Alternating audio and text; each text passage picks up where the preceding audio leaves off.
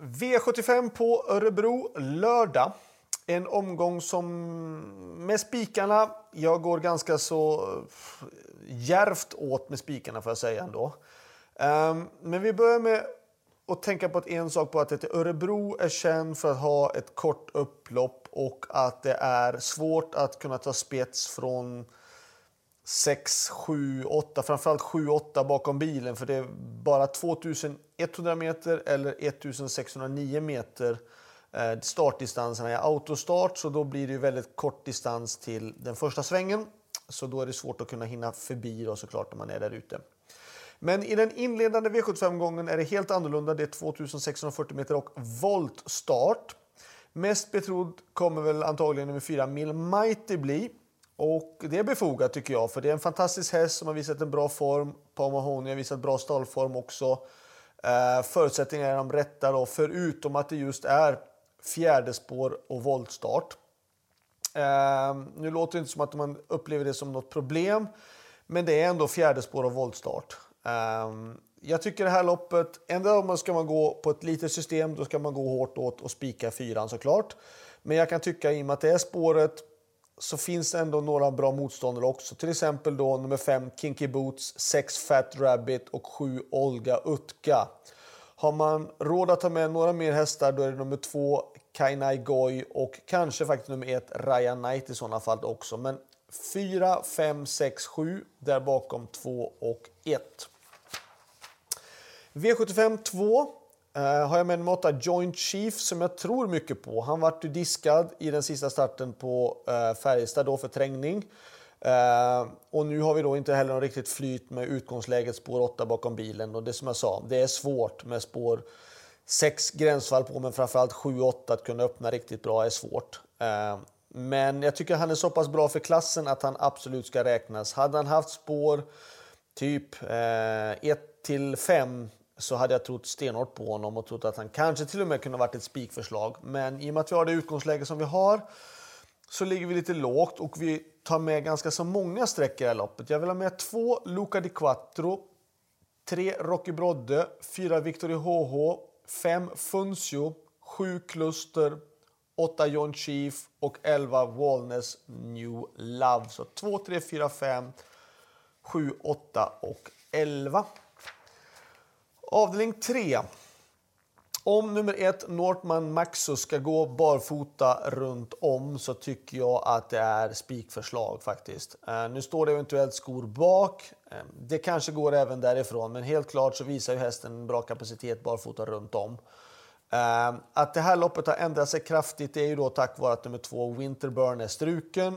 Det gör ju loppet helt annorlunda såklart. Jag tycker att loppet är inte super superhårt och de värsta motståndarna har ju fått tråkiga utgångslägen. 8 It's Pepper Time och 10 Portofino.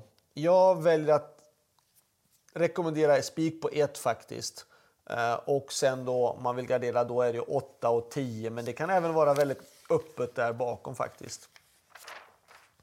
V75 4. Där går jag också ut på spik. 6 Sagittarius spikar jag.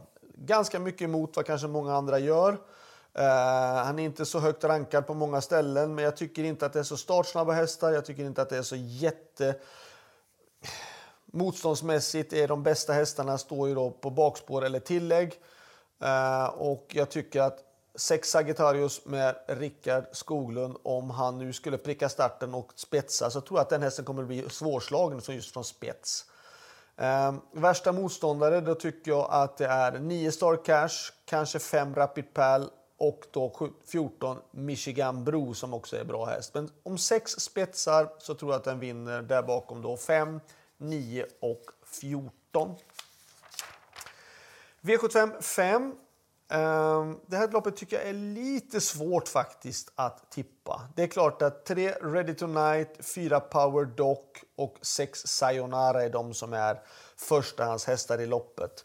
Ehm, eh, 4 3, 4 och 6. Eh, jag tycker även att 8 Kapten Brodde eh, har ju visat kanonform.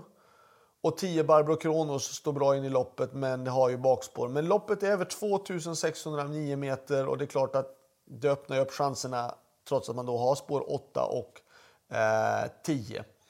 Så jag säger 3, 4, 6, 8 och 10.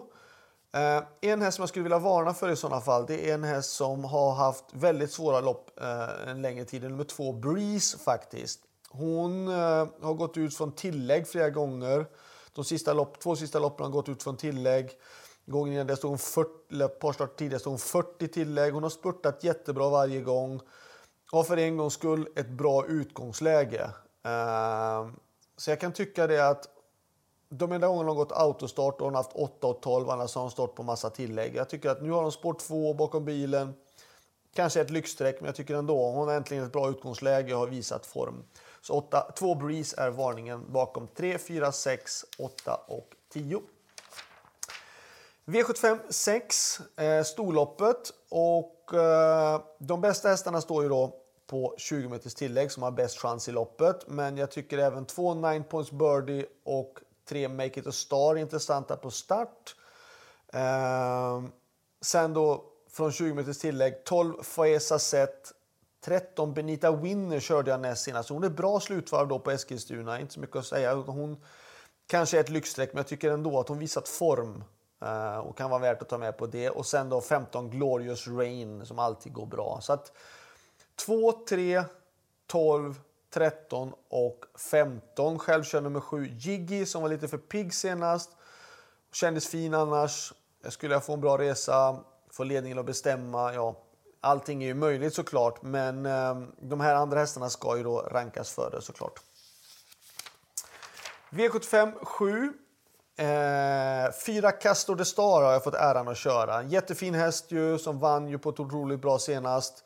Ehm, går ut här nu i gulddivisionen. Det är klart att det är några bra hästar med emot, men han ska ju ha en bra chans normalt sett och han är ju min bästa chans i omgången utan tvekan.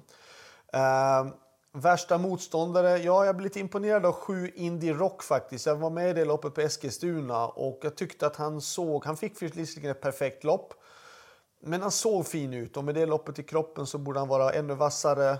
Visserligen har han spår 7, men jag tycker ändå att han såg väldigt fin ut och jag ser honom som en av de värsta motståndarna.